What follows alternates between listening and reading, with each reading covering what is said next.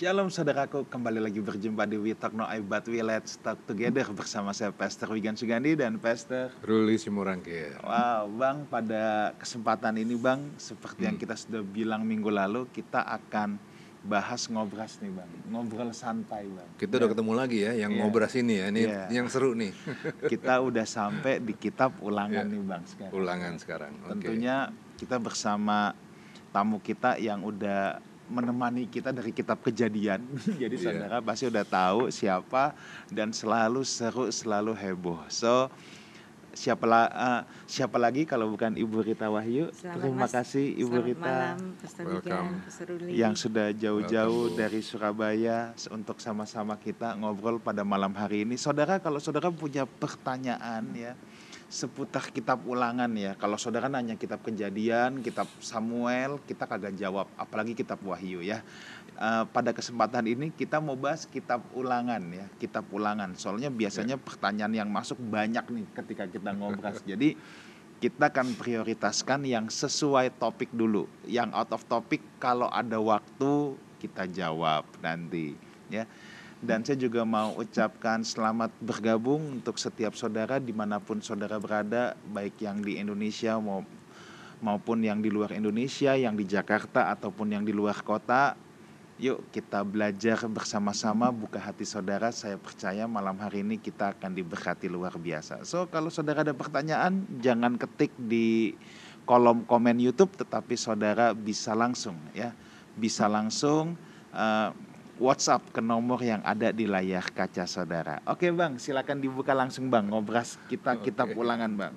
Selamat malam semuanya. Yuk kita sekarang ngomongin tentang kitab ulangan. Suatu kali kepada Tuhan Yesus dikasih pertanyaan. Pertanyaan itu ditulis di dalam Markus 12 ayat ke-28 dan jawaban Tuhan Yesus disampaikan dalam Markus 12 ayat 29. Di 28 seorang ahli Taurat tanya kepada Tuhan Yesus, hukum manakah yang paling utama atau guru? Gitu ditanya sama seorang ahli Taurat. Kemudian Tuhan Yesus menjawab, hukum yang terutama ialah, dengarlah hai orang Israel, Tuhan Allah kita, Tuhan itu Esa. Ayat ini sering saya baca dari zaman sekolah minggu dulu, tapi nggak pernah menjadi sesuatu yang menarik. Belakangan, waktu saya pelajari kitab ulangan, ini jadi menarik banget. Ternyata Tuhan Yesus pada saat itu lagi mengutip apa yang ditulis di dalam ulangan 6 ayat yang keempat. Ulangan 6 ayat yang keempat. Perhatiin kalimatnya ya, dengerin kalimatnya. Dengarlah hai orang Israel, Tuhan itu Allah kita, Tuhan itu Esa. The exact same words yang disampaikan oleh Tuhan Yesus dalam Markus 12 ayat 29. Dan memang ulangan 6 ayat 4 ini adalah bagian yang paling utama bisa dibilang sebagai tonggak yang penting bagi iman orang Yahudi. Dengarlah hai orang Israel, Tuhan itu Allah kita, Tuhan itu Esa. Shema Yisrael, gitu kan? Itu kan ada Shema Yisrael. Adonai Elohenu Adonai Echad. Kenapa bagian ini penting sekali? Karena bagian ini nantinya akan membuat Israel melek terhadap firman Tuhan. Bagian ini nanti yang akan mengantar mereka sebagai orang-orang yang bisa mengenali bahwa Yesus adalah Mesias. Nantinya bagian inilah yang menjadi tonggak iman kita sampai hari ini. Sebegitu pentingnya kilap kitab ulangan ini. Dan di dalam kitab ulangan juga ada banyak nilai-nilai, ada banyak etika-etika yang bagus dan perlu diketahui sama orang Kristen hari ini supaya membentuk kita menjadi orang-orang yang secara etika, secara lengkap berkarakter yang mulia. Kalau kita nggak ngerti ulangan, kita nggak bisa berkarakter yang seperti Tuhan inginkan. Nah, kelengkapannya biarlah ahlinya yang menjelaskan. Iya. Nah, Bang, ini sebelum ke Ibu Rita ya. Iya. saya ini juga penasaran bang, kenapa sih namanya ulangan bang? Iya Iya kan? Kalau Ya. dalam bahasa Inggris kan Deuteronomy, Iya. Deutero 2 nomos hukum. Oke. Kenapa di Alkitab Jadi ulangan. Indonesia kok jadi ulangan ya? Iya. Nah, Iya. mungkin Ibu Rita bisa cerita dulu nih, mulai dari asal usul dari penamaan dan lain sebagainya. Nama ini menarik ya. Iya. Dan penerjemah LAI pada zaman dahulu mungkin tahun yang terjemahan lama 1954 Iya. adalah orang-orang yang benar-benar memahami naskah bahasa asli Alkitab. Oke. Dan orang-orang yang menerjemahkan Alkitab ke dalam bahasa Indonesia ini berani out of the box. Hmm. Ya. Yang kita pertama kejadian, keluaran, imamat, bilangan dan semua itu di, diterjemahkan sesuai Septuaginta menerjemahkan dan mayoritas dari terjemahan-terjemahan bahasa Inggris juga menggunakan Genesis, Exodus, ya, Levitikan dan kemudian Numbers Iya. dan kemudian Deuteronomy. Khusus Deuteronomy ini yang penerjemah Alkitab bahasa Indonesia ini berani untuk out of the box. Dan sampai hari ini kayaknya nggak ada orang yang bertanya, bertanya kenapa sih kok nggak dikasih nama hukum kedua atau Deuteronomy kenapa kok pakai nama yang nyeleneh ulangan gitu kan. Hmm. Nah kita harus tahu bahwa terjemahan adalah tafsiran terpendek. Ya, Oke. terjemahan itu tafsiran terpendek dan ini ber- berdasarkan penafsiran dari penerjemah Septuaginta pada abad ketiga sebelum Masehi. Hmm. Nah, Devarim yang nama dalam bahasa Ibrani itu diterjemahkan dengan Deuteronomy, second law. Emangnya ada hukum yang sama sekali berbeda dari empat kitab sebelumnya? Enggak kan? Yang ada justru kalau kita membaca kitab ulangan itu adalah pengulangan-pengulangan dari apa yang pernah ditulis oleh Musa sejak kitab pertama dan kitab keempat. Ya Iya. bilangan itu. Dan tidak ada sesuatu yang baru. Nggak ada yang bertentangan atau bahkan sesuatu yang baru. Di sini penerjemah Alkitab Bahasa Indonesia itu mempersoalkan mana ada yang baru. Ini kan pengulangan. Nah, dari mana kira-kira keluar kata ulangan? Iya. Itu ada di dalam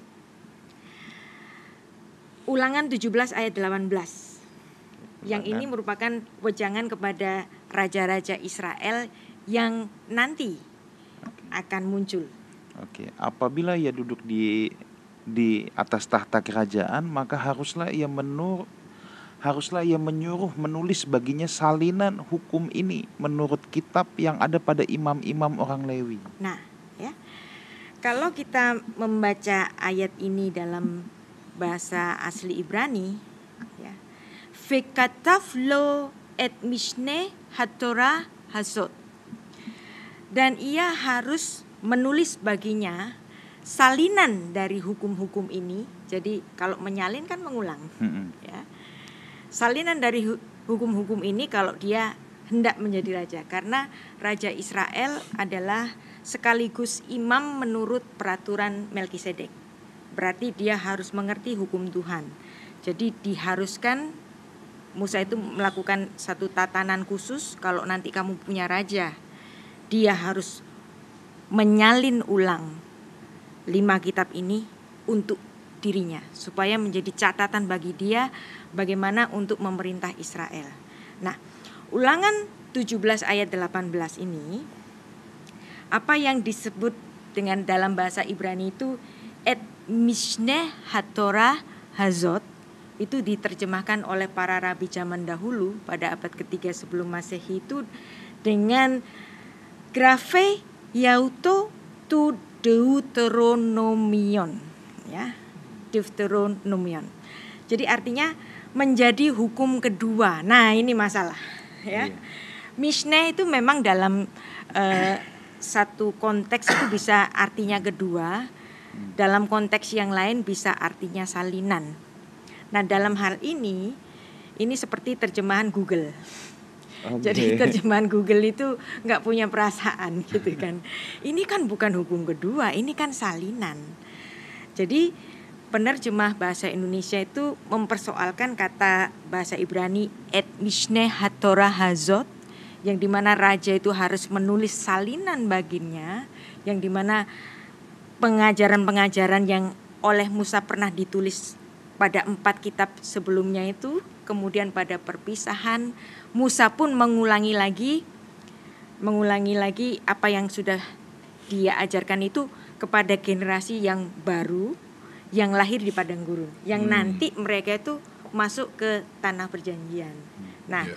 dari situ maka nggak ada sesuatu yang baru. Nah, inilah kenapa dalam bahasa Indonesia kitab kelima ini ditulis dengan ulangan karena memang isinya adalah pengulangan-pengulangan. Ya, berani kan? Wah. Orang-orang yang berani ini keren. Iya. Iya, iya, iya. Ya, Bu, saya pernah baca nih ya Bu ya. Mm-mm. Eh, ada satu buku tulis gini Bu bahwa kalau kitab Keluaran itu Musa menuliskan kepada orang-orang Israel yang keluar dari eh, tanah Mesir. Mm-mm, Mereka masih saat itu ada di kaki Gunung Sinai, mm-mm, ya. Terus Musa mengajarkan tuh hukum-hukum itu. Betul. Nah, tetapi kan kita tahu bahwa bangsa Israel di padang gurun kira-kira 40 tahun. Yes. Dan kitab ulangan ini adalah kemungkinan katanya ini second generationnya. Yes. Jadi ini adalah menjelang memasuki tanah Kanaan. Yes. Jadi makanya kalau kita lihat kan memang kok yang dikeluarkan kok bisa ada lagi di apa kitab ulangan. Mm-mm. Nah, kata penulis ini katanya karena mungkin sudah apa namanya memang audiensnya beda. Audiensnya beda. Itu Iya. bisa eh, penafsiran itu bisa kita terima dan juga memang eh, message yang diberikan Musa dalam kitab ini itu memang orang Israel itu harus mengajarkan pengajaran itu secara berulang-ulang. Nah, ini, ini Jadi, menarik ini. ya.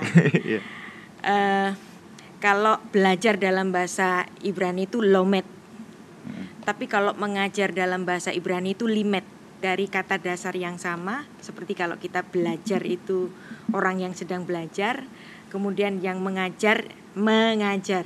Jadi sama-sama dari kata ajar. Bahasa Ibrani juga begitu. Kenapa dalam bahasa Ibrani untuk kata belajar itu menggunakan kata aktif biasa, tetapi kalau eh, yang mengajar itu menggunakan aktif eh, intensif. Jadi kalau orang itu mengajar, dia kalau ngajar nggak boleh satu kali. Jadi harus diulang-ulang. Dalam ulangan 6 ayat 7, Pastor Wigan. Ulangan 6 ayat yang ke-7 ya. Oke, haruslah engkau mengajarkannya berulang-ulang kepada anak-anakmu dan membicarakannya apabila engkau duduk di rumahmu, apabila engkau sedang dalam perjalanan, apabila engkau berbaring dan apabila engkau bangun. Nah, Hmm. Jadi Anda tahu kenapa Israel itu ya dia pernah dibuang ke Babel. Ya. Kemudian kembali lagi ke tanah suci. Kemudian bait Allah runtuh tahun 70. Kemudian mereka berdiaspora. Dalam kurung wang- dalam kurung waktu hampir 2000 tahun ya. Mereka itu adalah satu-satunya bangsa di dalam masa diaspora hampir 20 tahun tapi tidak pernah kehilangan identitasnya. Kira-kira kenapa? Karena ada pengajaran yang berulang-ulang. Nah, jadi ini adalah pengamalan dari ulangan 6 ayat 7 yang di mana yang tadi dikatakan dalam bahasa Indonesia itu haruslah haruslah kamu mengajarkannya berulang-ulang lima kata. Dalam bahasa Inggris itu and thou shall teach them diligently. Enam kata dalam bahasa Inggris. Bayangkan enam kata dalam bahasa Inggris ini hanya dikatakan dalam satu kata dalam bahasa Ibrani, fascinantam. ya, artinya di sini kualitas dari sastra bahasa Ibrani Alkitabiah yang ditulis oleh Musa ini 15 abad sebelum Masehi itu betul-betul diamalkan oleh orang-orang Ibrani itu hingga hari ini. Misalnya ada banyak ya dulu bangsa itu pernah ada. Kemudian vanish begitu saja. Misalnya contohnya bangsa Amon, bangsa Filistin.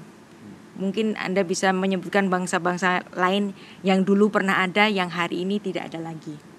Tapi bangsa Israel mereka ada di masa diaspora mereka tetap ada. Kenapa? Karena ada Torah yang menyatukan.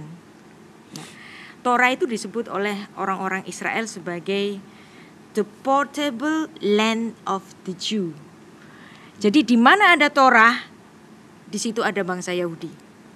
Kenapa? Karena Torah itu selalu memerintahkan kepada para bapak-bapak orang Yahudi ini untuk melakukan pengajaran secara berulang dan institusi pendidikan yang paling tertua di dunia ini adalah institusi pendidikan dari orang-orang Israel, Pastor.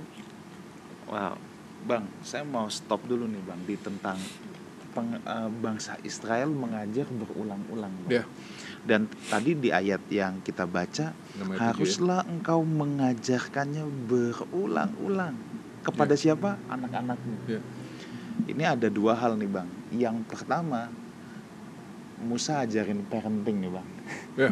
Iya, mengajarkan kepada anak-anak. Banyak orang tua yang tidak mengajarkan firman Tuhan kepada anak-anaknya. Hmm.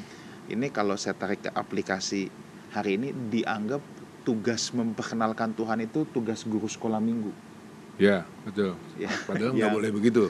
Yang cuma ketemu anaknya satu jam, Satu jam seminggu. satu jam seminggu. Hmm. Lalu 160 jam yang lainnya gimana?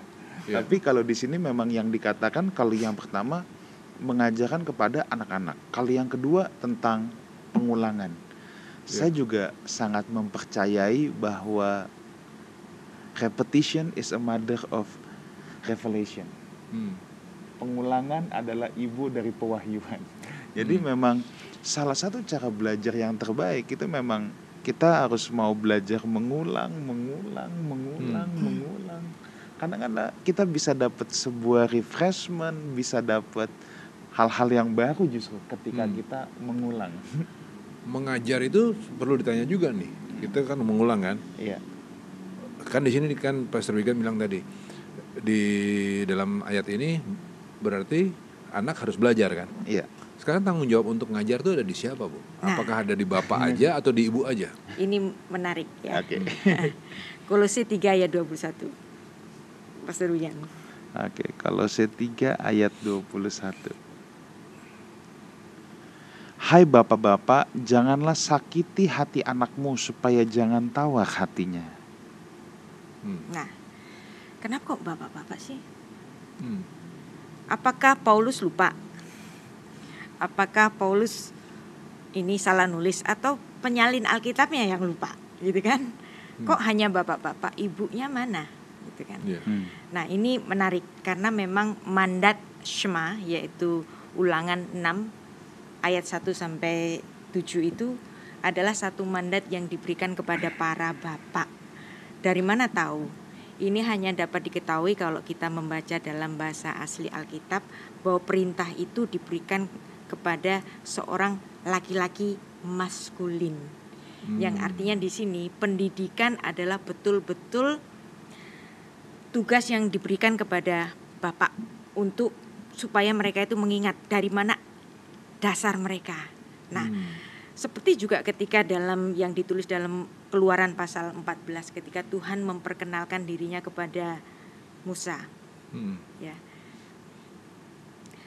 Akulah ayah dari leluhur, leluhurmu, ya, Allah dari Abraham, Allah dari Ishak dan Allah dari Yakub, ya.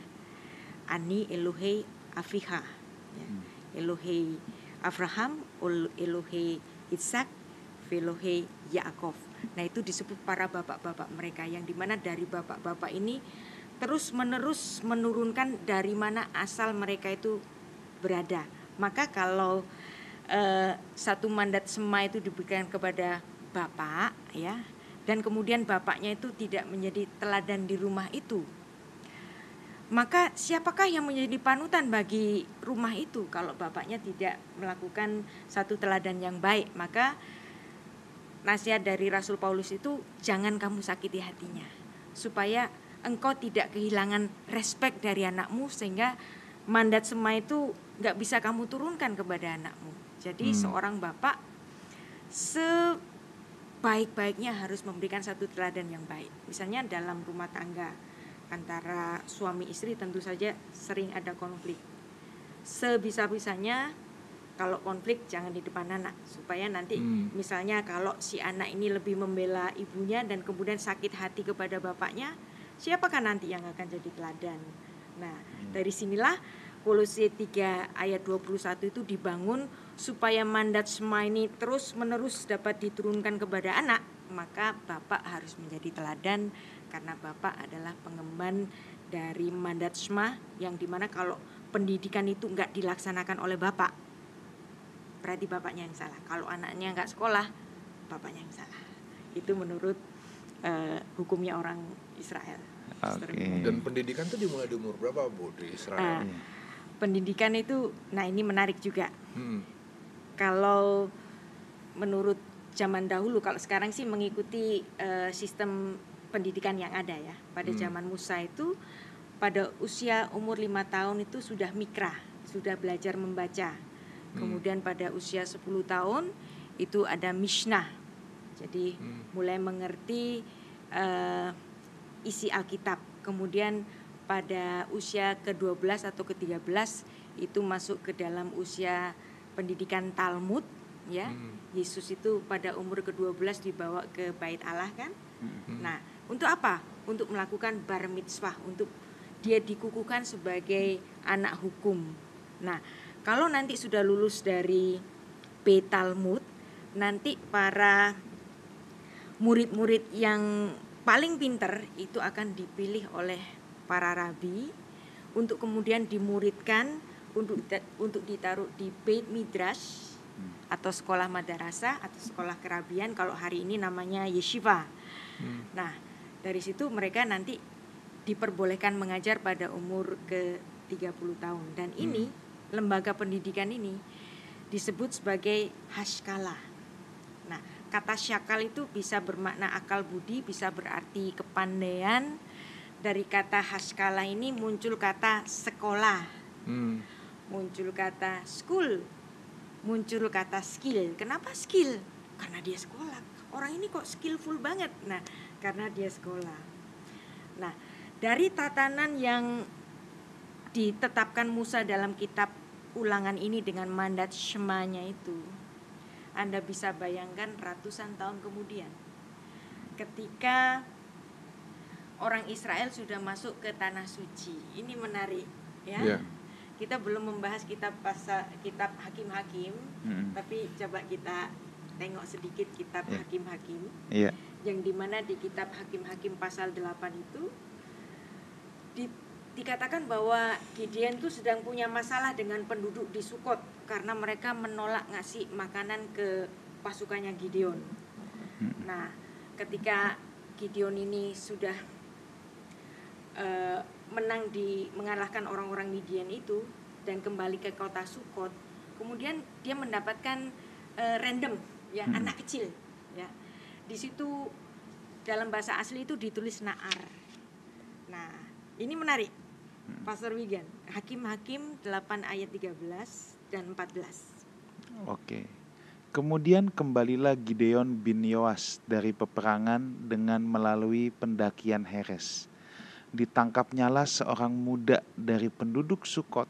Setelah ditanyai, orang itu menuliskan nama para pemuka dan para tua-tua di Sukot untuk Gideon. 77 orang banyaknya. Nah, ini menarik. Ya bahasa Indonesia seperti tadi saya bilang bahwa terjemahan adalah tafsir terpendek. Yang namanya tafsir bisa bisa nggak tepat gitu kan.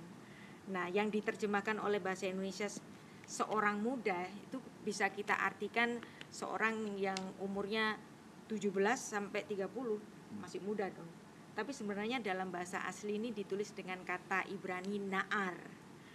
Nah, Naar itu antara usia 13 sampai 15 kira-kira, ya. Jadi Gideon ini secara random ketemu anak umur 13 tahun. Ya, Hmm. saya bacakan. Fayilkat Naar me'anshe sukot Fayis alehu fayiktov elaf et share sukot ve'et shekeneha shiv'im veshiv'ah ish.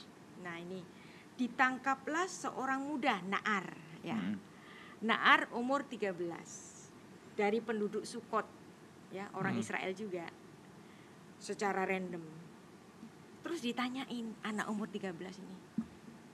Tulis dong nama-nama pemuka orang-orang di Sukot ini. Terus anak itu nulis 77, 77. nama tua-tua di sana. Nah, ini kan menarik. Anak umur segitu Anak umur segitu nggak buta huruf random loh. tahu nama pemimpinnya Tahu nama pemimpinnya bisa nulis. 77 orang. Kisah ini ditulis 3000 tahun yang lalu.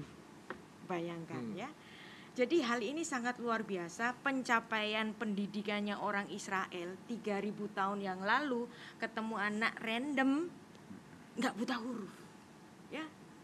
Nah, Indonesia itu diperkirakan baru bebas dari orang yang melek buta huruf itu baru nanti tahun 2023. Berarti hari ini ya masih ada orang buta huruf.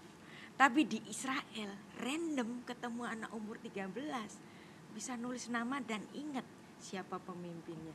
Ini adalah hasil dari mandat Shema. Nah, di Inggris sendiri pun itu orang nggak buta huruf itu baru di Inggris itu bisa secara satu negara itu nggak buta huruf itu baru pada tahun 1800-an Masehi. Hmm. Tapi bayangkan di Israel 3000 tahun sebelum Masehi Hmm.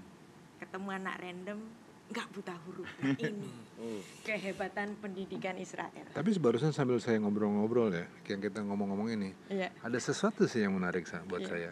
Kita kan tahu tokoh-tokoh hebat Paulus segala macam ini ya. Heeh. Pendidikannya dimulai dari rumah loh. Rumahnya berarti kondusif sekali Ya. untuk pendidikan sehingga akhirnya Paulus menjadi Paulus. Ya, Ngeri loh ini. ngeri. Heeh. Nah, hari ini kita nyiptain rumah yang kondusif supaya orang jadi direktur. Which is bagus, bagus banget. Tapi kan harusnya kita juga menyediakan tempat yang kondusif bagi rumah kita untuk membuat anak kita rindu belajar firman Tuhan. Betul. Seperti nanti seperti zaman dulu lagi. Ya. Itu Jadi memang, pentingnya ulangan. eh, Shema itu adalah satu mandat dari orang tuanya sendiri. Hmm. Jadi jangan menit jadi gara-gara sekolah itu bukan kayak titip anak gitu. Hmm. Jadi mereka itu sarana pendukung tapi pendidikan sebenarnya itu ada di rumah. Dari rumah ya. Wow. Oke. Bang, terus ini karena kita sedang di ulangan pasal 6, Bang. Iya.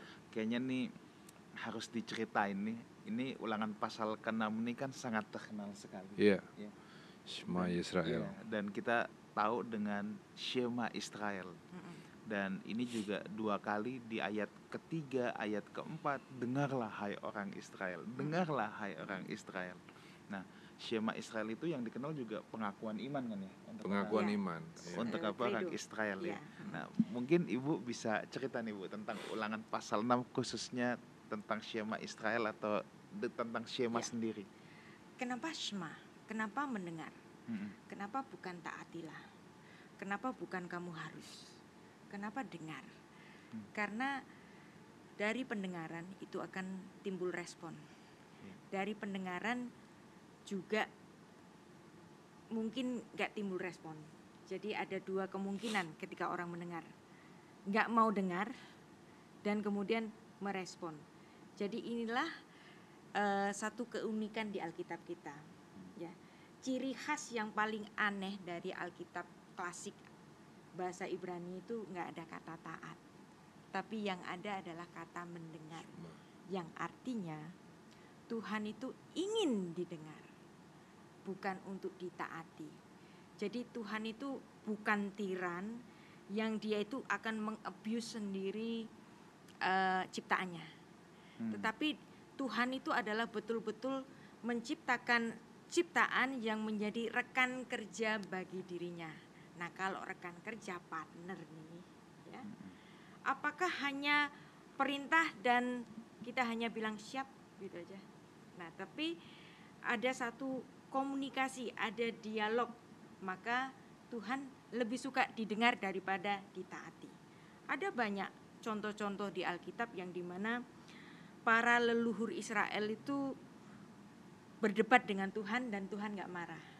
Termasuk kepada Abraham, termasuk kepada Musa, dalam kisah Ayub pun di situ ada perdebatan dan Tuhan bisa dikoreksi. Dan kadang Tuhan itu bisa membatalkan sendiri apa yang sudah diputuskannya akibat dari interaksi saling mendengar ini. Hmm, ya. Hmm, hmm. Jadi ini mungkin juga yang bisa di uh, kita ingat dalam sistem peradilan di Amerika itu tentang hearing ya. Yeah. Jadi sebelum itu masuk ke dalam satu uh, persidangan, persidangan ada dengar-dengaran dulu, hmm. begitu. Hmm. Iya, iya. Jadi yang tadi disebut uh, Bu Rita, Tuhan tidak mencari taat. Maksudnya ketaatan yang buta ya. Yes. Ketaatan yang buta, yang sekedar yes man, yang sekedar apalagi taat karena takut dihukum. Ya. ya kan begitu tuh banyak orang kita ya. kan banyak dari kita itu kenapa kamu gereja ya supaya masuk surga. Hmm. Iya. Bukan karena mencintai Tuhan gitu kan. Hmm. Nah, kalau kalaupun kita menemukan kata taat, kalau kita menemukan kata OB dalam perjanjian lama, itu semua adalah terjemahan dari kata shma ini. Yeah. Ya sebenarnya. Yang kemudian diterjemahkan secara kontekstual yang kemudian diartikan sebagai taat. Ini loh mungkin yang diterjemahin menjadi dengar-dengaran. Dengar-dengaran ya. Itu dari kecil saya suka bingung tuh. apa sih maksudnya? Ayo dengar-dengaran, dengar-dengaran. Iya oke, dengar-dengar apa? Dengar-dengaran. ya. Maksudnya rupanya belajar, belajar ya. Dan Sma ya, belajar.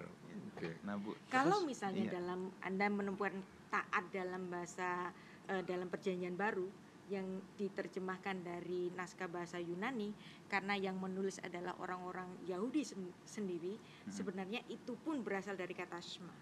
Hmm. Ya ya hari ini lumayan saya jadi ngerti sebab dengar-dengaran itu selama ini saya jadi kayak mistik banget tau gak sih kita berdoa kita dengerin Tuhan ngomong apa ya. Dan yang kan menarik kan gitu. apa bagi Tuhan dari mendengar ada respon dari okay. respon ada responsibility. Okay. Nah, di mata Tuhan, responsibility itu jauh melebihi kepatuhan. Contohnya di mana? Ada satu saat Tuhan itu sangat marah dengan kejahatan yang terjadi di Sodom dan Gomora. Kemudian di Sodom dan Gomora itu Tuhan hendak menceritakan apa yang dia akan lakukan di Sodom dan Gomora itu. Dan di situ Abraham tidak setuju. Ketika dia menyatakan ketidaksetujuannya itu dengan kata-kata yang sangat berani, ya, audacity of Abraham, kelancangan Abraham sampai bisa bilang nista kamu Tuhan. Masa di mana kalau di saat itu ada beberapa orang benar, masa harus mati bersama-sama dengan orang di Sodom dan Gomora? Gitu bayangkan hari ini ya orang berkuasa dikoreksi oleh bawahan yang jauh lebih rendah darinya. Tersinggung nggak? Tuhan nggak tersinggung. Begitu ngomongnya gitu lagi nista Tuhan. Nista engkau Tuhan. Kalau dalam bahasa yeah. Ibraninya itu halilaleha. nah anda tahu kata hilul Hashem? Nah di sini Abraham itu berkata halil dari akar kata yang sama. Hilul Hashem itu kan penistaan nama. Jadi si Abraham itu mengatakan nista kamu Tuhan. Tapi Tuhan nggak marah. Kenapa? Karena di sini bukan sekedar Allah itu melihat Abraham itu harus taat. Tuhan ngomong apa kamu patuh. Nah, tapi di sini Tuhan melihat apa? Ketika Abraham marah, kenapa kok Abraham sampai marah? Tuhan melihat apa? Abraham itu mencintai kehidupan dia merasa bertanggung jawab untuk membela sesamanya ini yang ada di Sodom dan Gomora kalau kalau di situ ada orang baik masa harus mati bersama-sama dengan orang yang eh, Memang tidak baik. memang tidak baik atau yang udah rusak yang harus mati. Nah, di situ. Di sini adalah satu salah satu contoh bahwa tanggung jawab adalah pencapaian yang melebihi ketaatan. Maka Tuhan tidak pernah menyuruh kita taat, tetapi Tuhan menyuruh kita mendengarnya. Jadi kalau di situ ada respon dari Abraham. Responnya apa? Responsibility-nya apa Bu yang Ya. dilakukan sama Abraham? Responnya apa? Re- ketika dia mendengar akan ada akan ada penghukuman bagi orang-orang di Sodom. di Sodom dan Gomora itu kan kayak Abraham ini ini kesolot kecolot gitu langsung marah Ya, ya, nggak bisa gitu ya. tapi marahnya Tuhan tahu kenapa kok dia marah Responsif karena out of responsibility. Eh, karena ya. dia punya responsibility terhadap sesamanya orang-orang seperti dia yang tidak berbuat eh, kekacauan keonaran masa harus mati sama-sama dengan orang dursila itu nah di sini adalah satu contoh betul-betul yang di mana Tuhan itu nggak minta Abraham ini hanya berkata yes man ya atau selalu yes enggih sundiko dawuh nggak begitu ya. Betapa hari ini lewat ke moder zaman modern ini dengan modernitas yang kita punya, justru banyak orang yang nggak mau repot untuk orang lain, Hmm. ya kan? Tapi di sini Abraham berani untuk head to head dengan Tuhan. Iya. kok bisa kok berani beraninya dia. Nah, jadi ketika Tuhan itu melihat kemarahan Abraham yang dipicu oleh responsibility-nya untuk sesamanya. Jadi taat itu bukan sesuatu yang penting. Ya. Iya, jadi banyak orang hari ini yang terbalik-balik, Bu. Yes. Taat secara agama, taat betul, tapi ketaatannya datang karena takut dihukum, Yes. takut ekonominya terganggu, takut nanti apa yang dia punya dimakan belalang pelahap. Taat yang seperti itu, tapi nggak mau repot untuk kepentingan sesama. Ya. Yang penting dirinya aman. Nah ini kan kacau balau. Ya. Padahal yang diminta adalah pelajari firman. Waktu kita pelajari firman kita tahu, ya ampun. Ternyata Tuhan bukan nyari ketaatan yang seperti itu. Yang dicari justru adalah orang yang kemudian meresponi apa yang dia terima dengan tanggung jawab. dengan tanggung jawab. Jadi ada banyak contoh yang di mana eh, umat Tuhan ini di Alkitab itu berani untuk men-challenge Tuhan. Iya. Nah itulah kenapa eh, orang-orang Israel itu yang memang lahir dari orang-orang yang pemberani ini Iya. disebut sebagai eh, bangsa yang tegar tengkuk. Ya. Hmm. Kenapa sih kok dalam bahasa Ibrani itu menuliskan tegar tengkuk? Ya, kasih oreh, ya kasih itu ini apa tegar atau sulit, oref itu tengkuknya di sini. Hmm. Padahal kalau dalam bahasa Inggris itu kan apa? Big headed gitu kan, atau dalam bahasa Indonesia keras kepala. Iya. Tapi kok dalam bahasa Ibrani itu tegar tengkuk. Jadi lehernya yang tegar gitu ya. Kenapa kira-kira? Ini menarik ini. Gimana tuh? Iya. Jadi ini ada filosofinya. Orang Israel tahu bahwa mereka adalah umat Allah yang di mana kepala dari mereka itu adalah Raja semesta, yaitu apa? Tuhan. Kan? Tuhan, ya. Nah, jadi ini memang eh, secara mayoritas itu nggak dilanggar oleh orang-orang Israel. Tuhan adalah kepala kita. Tuhan yang menentukan kita. Nah, tapi apakah orang Israel itu selalu apa itu menurut mereka tuh selalu men- men-challenge Tuhan dalam Keluaran 30 ayat 3, 33 ayat 3 Pastor Wigan. Ini salah satu contohnya. Keluaran 33 ayat 3. yakni ke suatu negeri yang berlimpah-limpah susu dan madu sebab aku tidak akan berjalan di tengah-tengahmu karena engkau ini bangsa yang tegar tengkuk supaya aku jangan membinasakan engkau di jalan Ya. Jadi betul-betul dikatakan tegar, tegar tengkuk. Dalam ulangan 9 ayat 6 itu juga ada kata-kata tegar tengkuk. Kenapa? Kok Hmm. tegar tengkuk bukan keras kepala gitu. Hmm. Ini kan satu istilah yang nyeleneh ini. Iya. Yang yang nggak dipunyai di eh, istilah lain kecuali kepada Israel.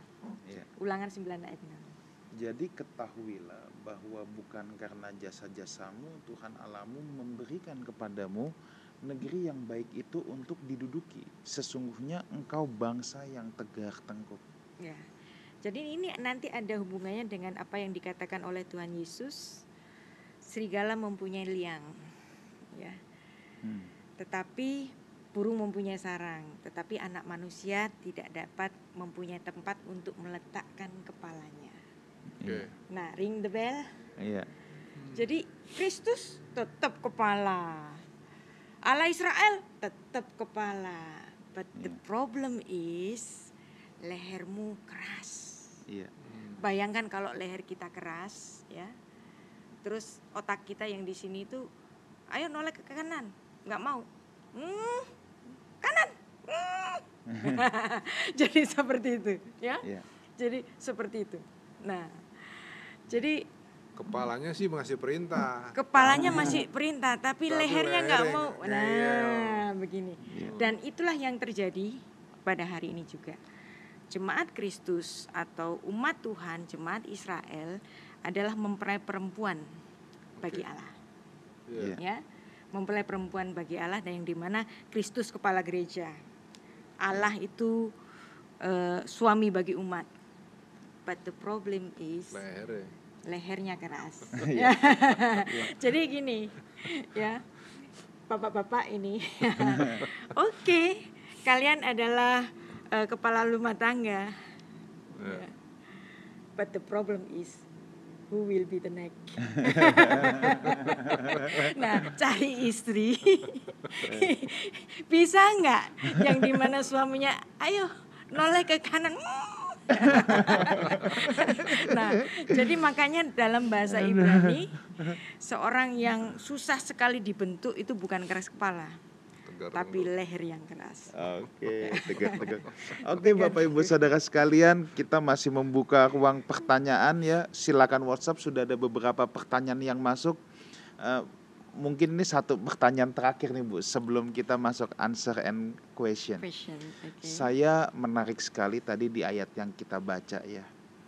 Ketahuilah bahwa bukan karena jasa-jasamu Tuhan Allahmu memberikan kepadamu negeri yang baik itu untuk diduduki. Nah Bu, Ya. somehow saya melihat ada suatu paralelisme atau tipologi ya. Ini sama halnya dengan keselamatan Bu. Mm-mm. Tuhan memberikan tapi kita tidak bisa diem aja. Sama Hmm. kayak bangsa Israel. Tuhan Tuhan berikan negeri ini tapi ada bagian Israel juga loh di mana dia harus berperang kan bukan cuma duduk santai. Tugasnya banyak banget Iya. untuk bisa menduduki Kanaan dan kalau kita lihat Israel tidak berhasil menduduki Kanaan sampai berlarut-larut Iya. kan. Dan sebenarnya janji ini kan diberikan Hmm. kepada Abraham. Iya. Tapi apakah Abraham menikmati janji itu?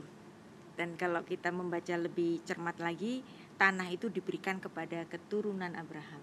Iya. Nah, sampai nanti pada masuk ke tanah perjanjian diantar oleh Yosua sampai 400 tahun Mm-mm. menduduki di tanah perjanjian, mereka masih belum mendapatkan eh, Gunung Sion, Hmm. Iya. Yerusalem. Iya. Yerusalem itu baru dapat direbut pada zamannya Daud. Yang di mana Daud saat itu merebut kota Yerusalem itu dari suku Yebus. Yang artinya di sini berkat itu nggak pernah langsung blek dari langit, tetapi diusahakan, Oke. tapi diperjuangkan. Seperti juga eh, berkat yang diberikan kepada Da- eh, kepada Yakub Hmm. itu juga diperjuangkan. Kenapa?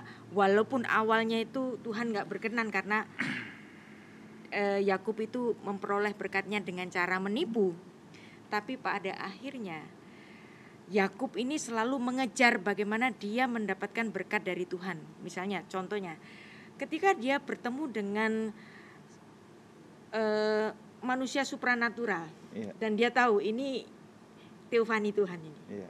Dia nggak mau lepas itu laki-laki itu dipegang kakinya. Pokoknya engkau harus harus memberkati aku. Iya. Hmm. Nah, yang artinya ini eh, mengejar berkat dengan cara berusaha itu mendapatkan eh, apresiasi dari Tuhan dan Tuhan tidak pernah memberikan berkat secara instan.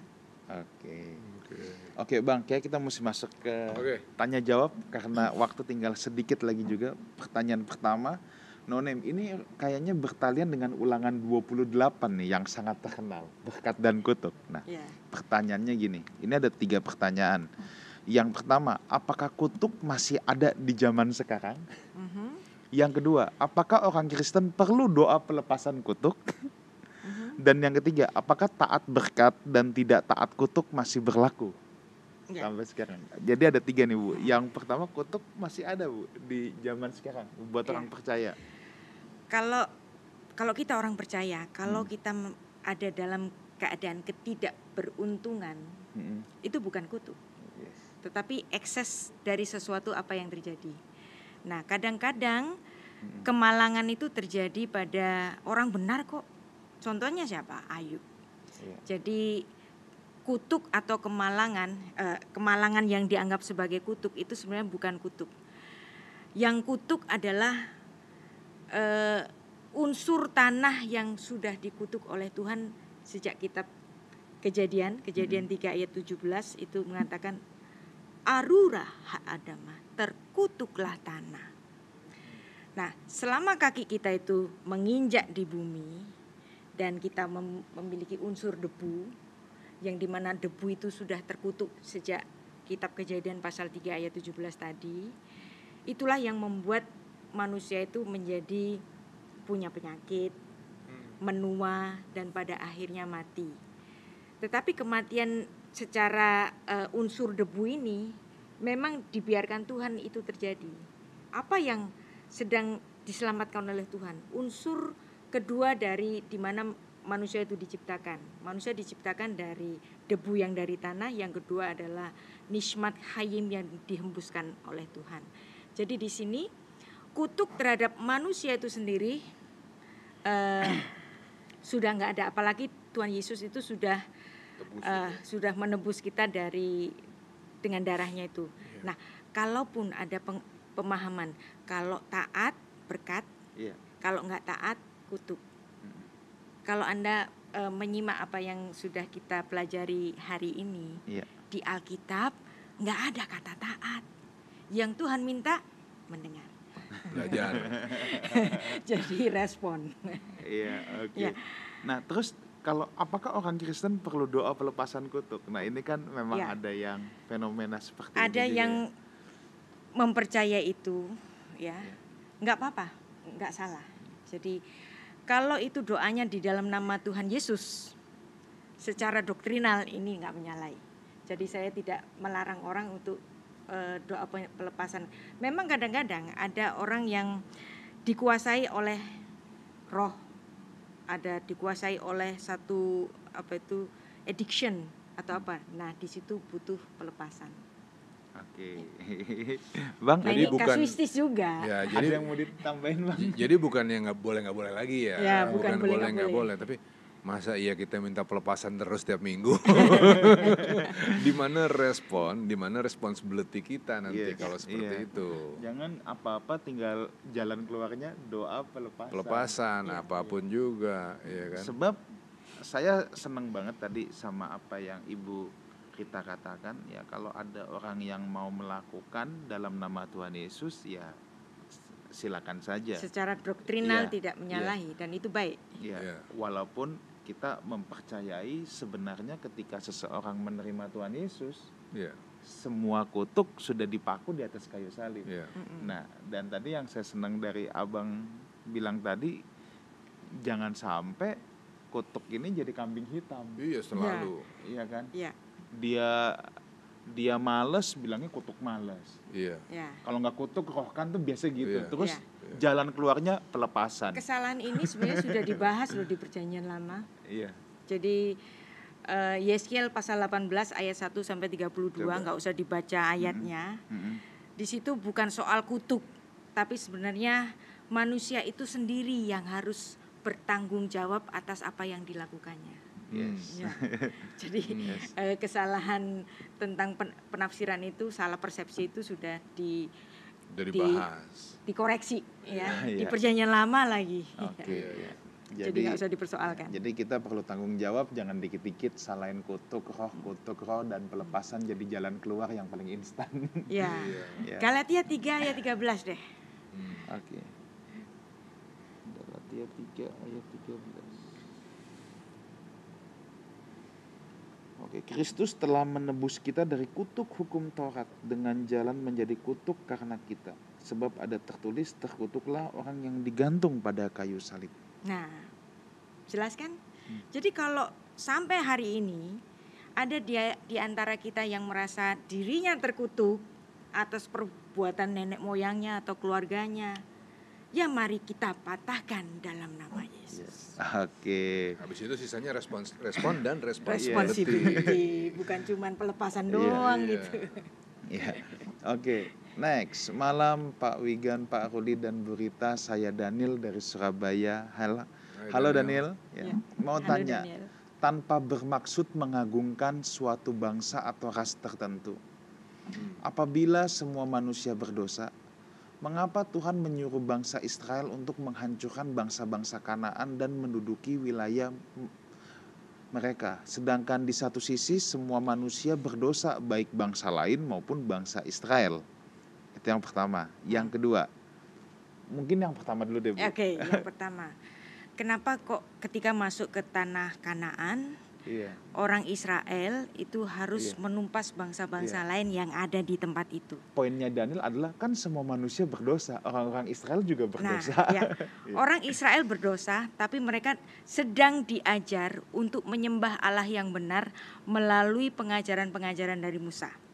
Nah, ketika mereka menyisakan orang-orang Kanaan tinggal bersama-sama mereka, akibatnya apa? Mereka memalingkan orang-orang Israel itu untuk menyembah ilah-ilah mereka.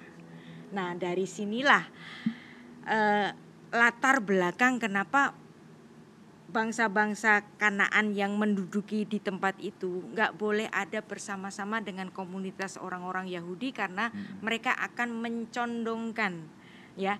Dari sini kita harus melihat bahwa Tuhan itu memang betul-betul memilih sebuah bangsa yang di mana bangsa ini dikuduskan dikuduskan itu dikhususkan.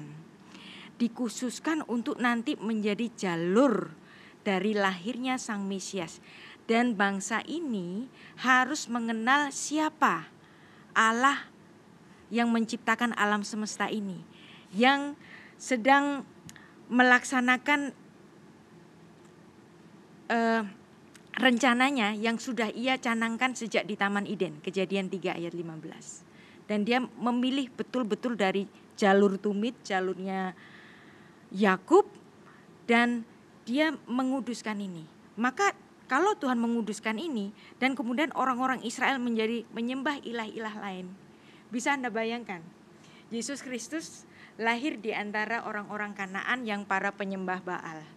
Terus kemudian Yesus bicara tentang Bapa yang mengasihi. Terus kemudian bicara tentang dulu ada dosa begini-begini.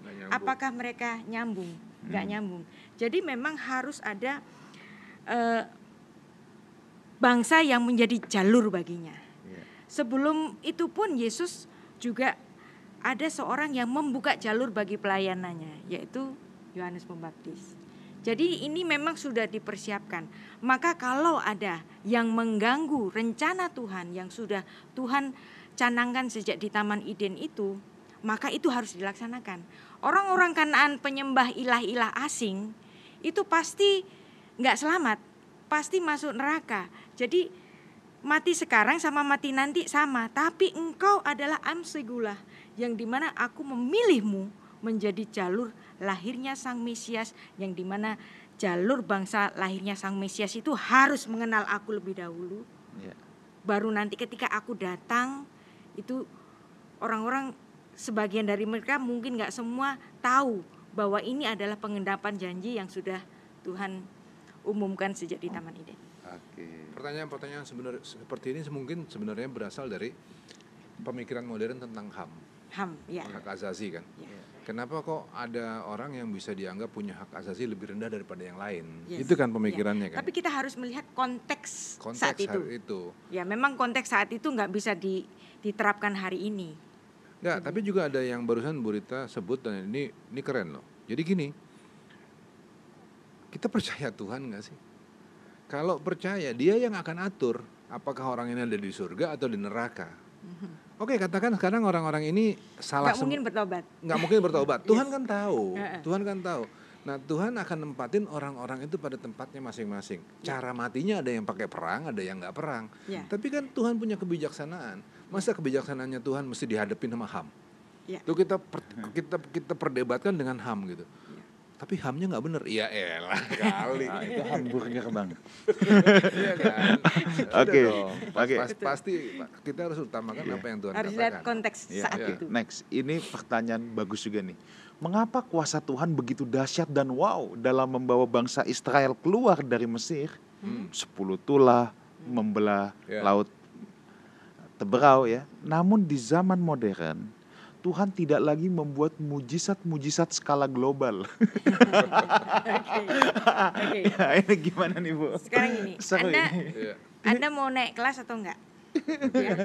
Jadi Israel ketika keluar dari Mesir ada mujizat bertubi-tubi. Di padang gurun ada mujizat bertubi-tubi. Lapar ada mana. Haus ada air keluar dari batu. Semuanya mujizat. Dan mujizat itu diberikan pada saat apa?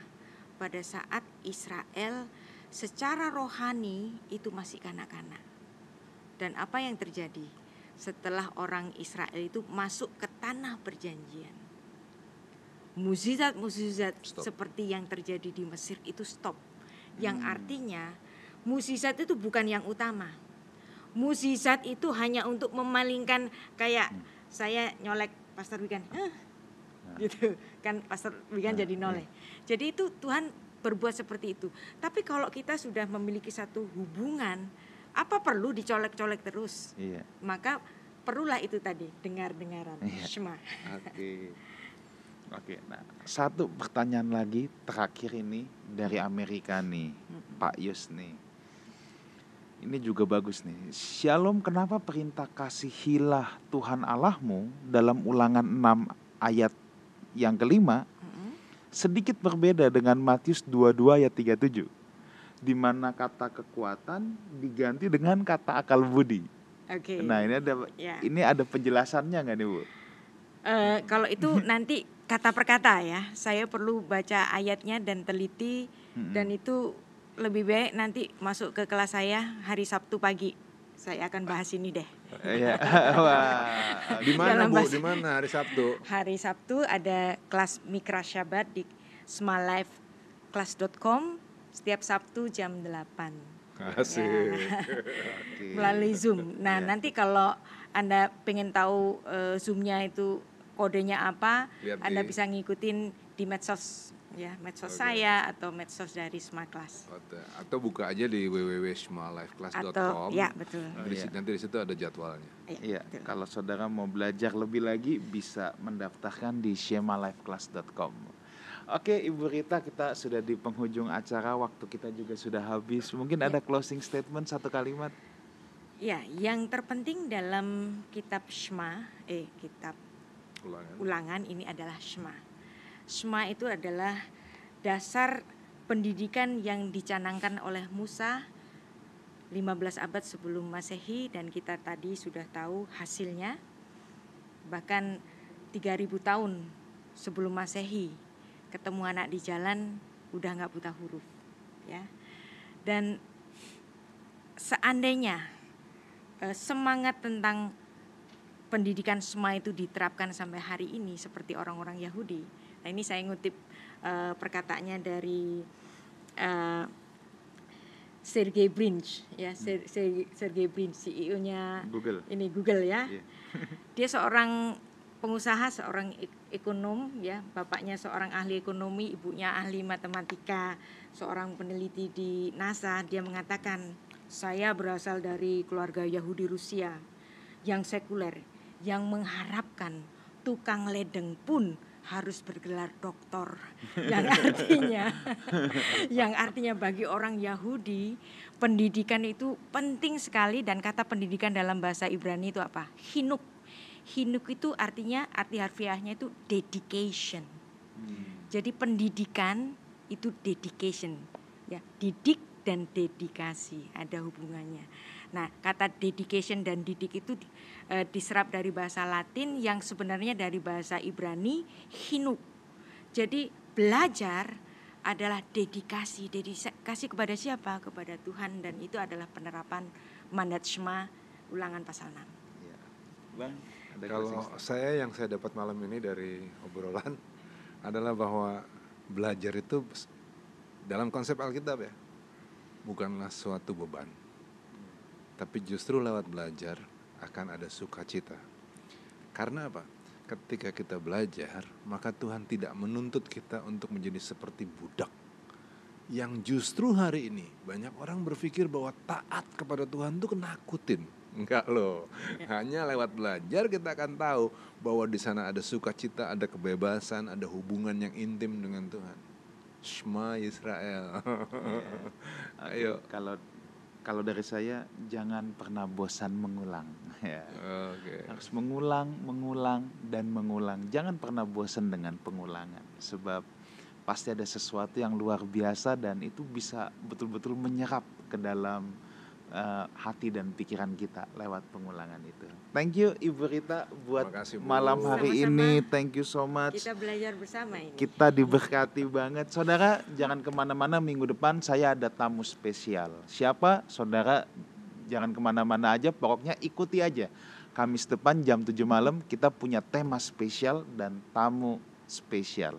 So see you next week di We Talk No I But We Let's Talk Together. God bless you. Tuhan berkati.